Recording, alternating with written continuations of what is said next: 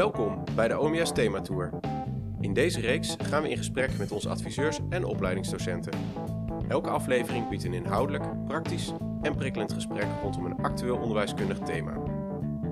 De OMS-adviseur of docent neemt je graag mee in hun vakgebied. Wat ze zien in de dagelijkse praktijk en welke tips je direct kunt toepassen. Onderwijs maak je samen met ons. Nou, welkom bij een nieuwe aflevering van onze podcastreeks voor de Thematour.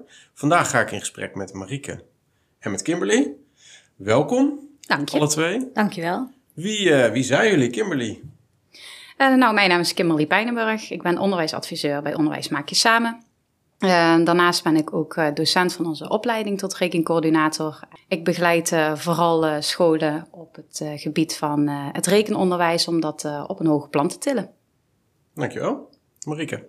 Mijn naam is Marieke Daan, collega-adviseur van Kimberly. Onder andere op het gebied van rekenen, maar ook gedrag en um, in de opleiding intern begeleider en in de opleiding rekencoördinator.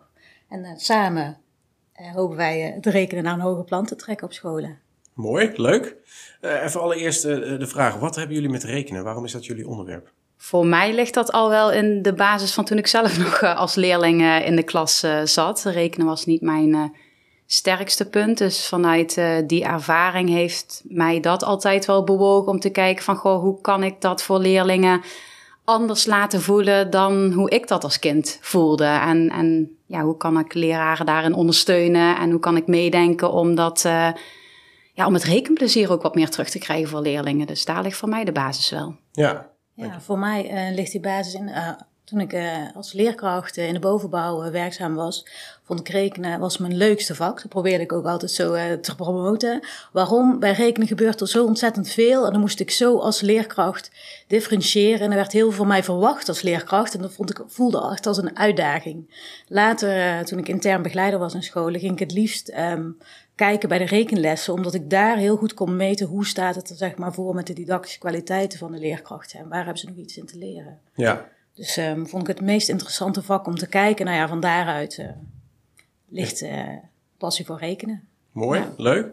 Um, volgens mij is op dit moment rekenen, net zoals taal, ook wel een belangrijk uh, onderwerp op de agenda van veel scholen als, ja. als basisvaardigheden. Hoe is het gesteld met het rekenonderwijs in Nederland op dit moment?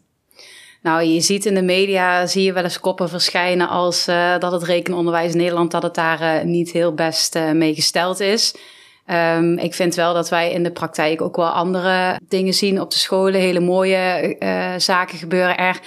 Ja, weet je, je kunt, je kunt heel resultaatgericht kijken, maar je kunt ook kijken in hoeverre scholen in ontwikkeling zijn binnen een rekenonderwijs. En ik denk dat ook, dat ook de invalshoek is waarvanuit wij het graag in ons advieswerk bekijken. Van, goh, hè, waar, waar, staan jullie nu als school en waar ligt jullie volgende stap daarin? Ja, ja. waar kunnen we jullie nog bij helpen om ja. naartoe te groeien? Ja. ja. ja. En wat is, want jullie hebben een, een opleiding uh, tot rekencoördinator. Wat is de rol van een rekencoördinator?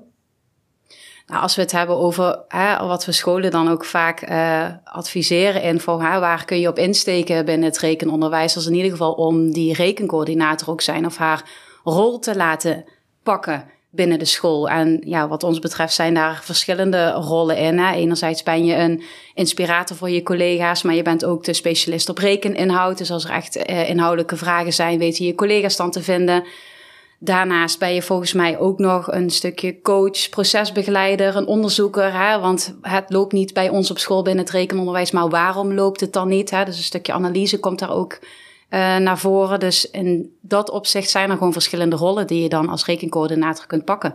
Ja. Maar ook rollen die je vervolgens ook moet krijgen binnen je school. Ja. Want wanneer je niet gefaciliteerd wordt, dan komt daar niets van terecht natuurlijk. En je kunt niet uh, leerkrachten, startende leerkrachten bijvoorbeeld begeleiden in, binnen het rekenonderwijs als je daar geen tijd voor hebt. Of uh, uh, rekengesprekken aangaan met leerlingen. een stukje diagnostisch onderzoek kan gevraagd worden van de rekencoördinator. Dan heb je daar wel tijd voor nodig. Ja, ja. dus het faciliteren gaat er met name om de tijd hebben om je taak te kunnen invullen enzovoort? Ja, maar ook denk ik om jezelf als rekencoördinator ook te blijven ontwikkelen daarin. Hè. Denk bijvoorbeeld ook aan netwerken die er binnen een bestuur of binnen een stichting zijn om daaraan deel te kunnen nemen of om daar in uh, meer initiatief te kunnen nemen. Dus ja, dat zit, dat zit hem in tijd, maar ook in, in, in mogelijkheden, in verdere professionalisering van. Ja. ja. ja je, En in die zin is dus dan ook de rekencoördinator even de specialist in de school. Dan zeg ik het even in mijn eigen woorden, de specialist in de school op dat gebied. Eh, hij of zij kan daar dan, dan de diepte in, zodat hij de collega's daarin mee kan nemen, eh, de laatste inzichten, wat de analyse doen. Eh, zodat niet alle leerkrachten op datzelfde thema heel erg de diepte in hoeven. Precies, het past heel mooi bij de professionele leergemeenschap. Ja, Die we graag terugzien in scholen. Ja, en ook de verschillende specifieke eh, talenten, interesses eh, die ook eh, collega's kunnen hebben binnen een school. Om daar inderdaad een stukje gespreid leiderschap ook in te kunnen waarborgen. ja. En wat zijn nou actuele, of wat zijn nou thema's waar veel scholen op dit moment mee worstelen als het, als het gaat om rekenen? Zijn er specifieke onderdelen die jullie vaak terug horen? Ja, wa- wat we nu op scholen wel veel horen is dat eh, je binnen het rekenonderwijs, eh, niet alleen binnen het rekenonderwijs, maar de referentieniveaus, en die zijn ook voor rekenen zijn die uitgeschreven. Eh, binnen het rekenonderwijs hebben we het dan over het 1F en het 1S-niveau. En Ja. wat we nu veel in het werkveld horen, en al een hele tijd, is dat dat 1S-niveau landelijk gezien in de eindopbrengsten eh, niet voldoende behaald wordt. Ja, Eh, En dat is wel een veel En gehoord geluid. ja, en wat hebben leerkrachten dan nodig? Wat hebben teams nodig om die leerlingen wel naar een hoger niveau te tillen? ja, ja, precies. Dus dat is een. eh, zijn er nog andere thema's die eh, op dit moment veel spelen? Nou, ik, ja, dan denk ik ook even terug aan waar ik het gesprek mee begon, aan dat stukje eigen beleving. Eh, ook het, het rekenplezier. Eh, ik heb wel eens ooit mijn eigen leerlingen een woordweb laten maken. eh, zet eens rekenen in het midden en schrijf er eens omheen. Waar, waar denk je dan allemaal aan bij rekenen? Ja, en als er dan dingen opgeschreven worden als een rekenrek, een digibord, de methode, de rekenmethode, ja. daar krijg ik dan wel een klein beetje de kriebels van. Volgens mij eh, gaat het veel meer om hè, waar komen we rekenen buiten in de wereld tegen. Dus dat, ja, dat, dat, dat vakgerichte, hè, dat, dat eh, rekenen echt een, een schoolvak is, dat, Ja. eh, Ja, Ja. Hè, dus we werken toen naar die functionele gecijferdheid. Ja. Wat hebben kinderen nodig om zich staande te kunnen houden in deze maatschappij? Mhm. En die link leggen en voor, is voor de kinderen heel erg van belang. Waarom ben ik dit aan het leren? Waar heb ik dit voor nodig? En ik denk dat eh, leerkrachten zich daar soms wat minder bewust van zijn, zeg ik het op de juiste manier. Ja. Hè? Waardoor ehm, zij die, die, die link moeten leggen voor leerlingen. Waar ben je dat voor aan het doen en waarvoor ga je het gebruiken? Ja, en om, om daar dan ook weer de rol van de rekencoördinator in terug te pakken. Eh, ook het gesprek met je collega's als rekencoördinator daarover aangaan, eh, is denk ik ook een hele, heel mooi middel om, om daar met elkaar weer een volgende stap in te maken. Hè? Hoe kunnen we dat rekenen? Hoe kunnen we iets maken van een, eh, een schoolvak naar betekenisvol rekenen? Ja, en net zoals bij lezen, leesmotivatie is een actueel thema op veel scholen. Zeggen jullie dus eigenlijk voor rekenen geldt dat net zo goed? Ja, ja zeker. Ja. Ja. En, en als je een gouden tip zou mogen geven, hoe kun je motivatie het beste stimuleren als het gaat over rekenen? Ja, voor mij zit dat echt om, om het betekenisvol te maken. Hè? Dus als we het hebben over breuken. eh, ja, als jij straks naar huis gaat en je moeder vraagt: wil je een vierde stuk taart of wil je een achtste stuk taart? Nou, dan zou ik wel weten wat ik zou kiezen. Dus, Ja. eh, dat, dus dat functioneel en betekenisvol maken, dat, ik denk dat daar een heel groot eh, gedeelte van motivatievergroting Ja, in en kan laten zitten. ervaren. Ja. ervaren. Dus meenemen naar de supermarkt, meenemen Ja. naar situaties die ontstaan waar je rekenen eh, gebruikt. Eh, waardoor ze denken, hey, het, maakt, het maakt het me makkelijker. Het wordt makkelijker op het moment dat ik eh, ja, dit geleerd heb. Ja, dus het uit het abstracte soms Ja. halen, Ja, om dat eh, eh, om de toepassing goed te kunnen, te kunnen plaatsen. Ja. ja, ja.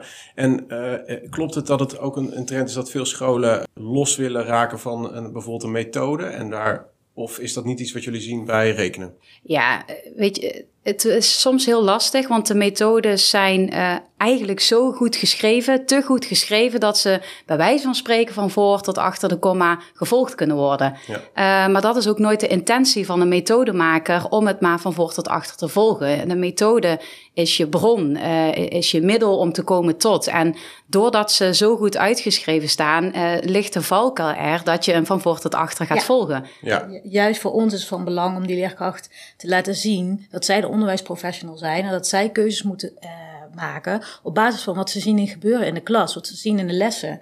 En daarop durven schakelen, zeg maar. Eh, en, Ja. en daar zit ook weer een mooie rol voor die rekencoördinator, om dat elke keer daar ook het gesprek over aan te gaan. Ja. ja dus eh, wel een beetje genuanceerd. Dus het loskomen van de methode is niet per se om het loskomen van de methode, maar met name kijken wat ik voor me heb in de klas, wat nodig is. En je gebruikt dan vervolgens de methode als een, uh, als een basis, een structuur. Ja. Uh, maar je zult uh, andere keuzes soms moeten maken, afhankelijk van wat je leerlingen nodig hebben. Wat je leerlingen nodig hebben. En als jij dit jaar groep 5 doet en volgend jaar weer, is dat niet van hetzelfde. Nee. Dat maakt dus ook weer uit. Wat heeft die groep? Wat vraagt hij van jou? Wat hebben die leerlingen nodig? Ja. ja, en ik denk ook dat we niet moeten vergeten dat zo'n methode wordt niet geschreven voor jouw leerlingen, voor jouw groep. Die methode die wordt geschreven voor de gemiddelde leerling van Nederland in dit geval. Dus je zult daar altijd aanpassingen aan moeten doen, zodat het passend is voor, voor, uh, voor jouw groep en wat het op dat moment nodig heeft. Ja, en als uh, scholen voor de keuze staan om een andere methode te kiezen, zijn er dan dingen die je zou kunnen meegeven in dat proces uh, om te komen tot een goede keuze? Ja, wij zien op veel scholen dat er uh, een nieuwe methode wordt gekozen op basis van de visie die zij op het rekenonderwijs hebben. Dus uh, wij adviseren meestal ook van, hè, wat, vinden jullie nou zo, wat vinden jullie nou echt belangrijk als het gaat om effectief rekenonderwijs verzorgen? Om vanuit die visie dan vervolgens te gaan kijken, oké, en als we daar nu de huidige methodes naast leggen, welke past dan het meeste bij onze visie, bij onze school, maar bij, ook bij, ons als, bij onze leerlingen? Ja, en uh, hoe zit dat met digitaal en uh, digitalisering en rekenen? Is dat nog iets waar je iets over kwijt zou willen? Ja, dat vergt juist iets extra's van de leerkracht in mijn ogen. Ben je het daarmee eens? Ja, ja, daar ben ik het zeker mee eens. Ja. Ja. Nou, en, en voor mij is, is dat hetzelfde als bij een schriftelijke papieren methode. Ook daarin is het een bron om te komen tot, want er zijn onwijs mooie mogelijkheden binnen de digitale wereld. Uh, zeker als we het hebben op het gebied van analyseren. Maar wat je vervolgens met de gegevens doet die uit die analyses komen, Ja. volgens mij ben jij als leerkracht degene die daar dan een keuze in maakt. En niet een programma die dan zegt, nou dit rolt er uit een bepaalde opgave of toets. Uh, dus deze leerling krijgt nu deze volgende opgave. Nee. Blijft de leerkracht doet ertoe of Precies. je nu analoog werkt of Precies. digitaal. Ja. Ja. Dat blijft boven, bovenaan staan. Ja. Ja. Is er nog iets wat je eh, de luisteraars zou willen meegeven? Van nou, op het gebied van rekenen, eh, deze tip of eh, dit gun ik alle leraren van Nederland? Ik gun alle leraren kennis en inzichten over de rekenmodellen ook. Dat ze weten uh, waar sta ik, wat vraagt die leerling van mij, hoe kan ik gesprek aangaan, op, uh, zodat ik weet wat die leerling nodig heeft. Dus eigenlijk de juiste tools in handen om de leerling verder te helpen. Ja, en dan kunnen ze jou voor bellen. Ja, altijd. Jij Ja. nog iets aan toe te voegen? Ja, ik blijf dan toch wel ook wel bij het stukje waar we het al vaker over gehad hebben in dit gesprek, is die rol van de rekencoördinator om die echt in zijn of haar kracht te zetten. Want daar zit een hele belangrijke spil als we het hebben over kennis, ervaring en uh, ja, benut die talenten van elkaar. Het is zo zonde als, uh, als er een hele hoop kennis en ervaring zit, maar dat het er niet uitkomt of niet gedeeld wordt uh, Nee. met elkaar. Dus de, de, katal- of ja, de, de rekencoördinator die kan een katalysator zijn voor Ja, de kwaliteit van de zeker. rekenonderwijs. Ja. Mooi. Ja. Dank jullie wel voor dit gesprek. Wellicht tot ziens. Ja, graag Dankjewel. Dank je.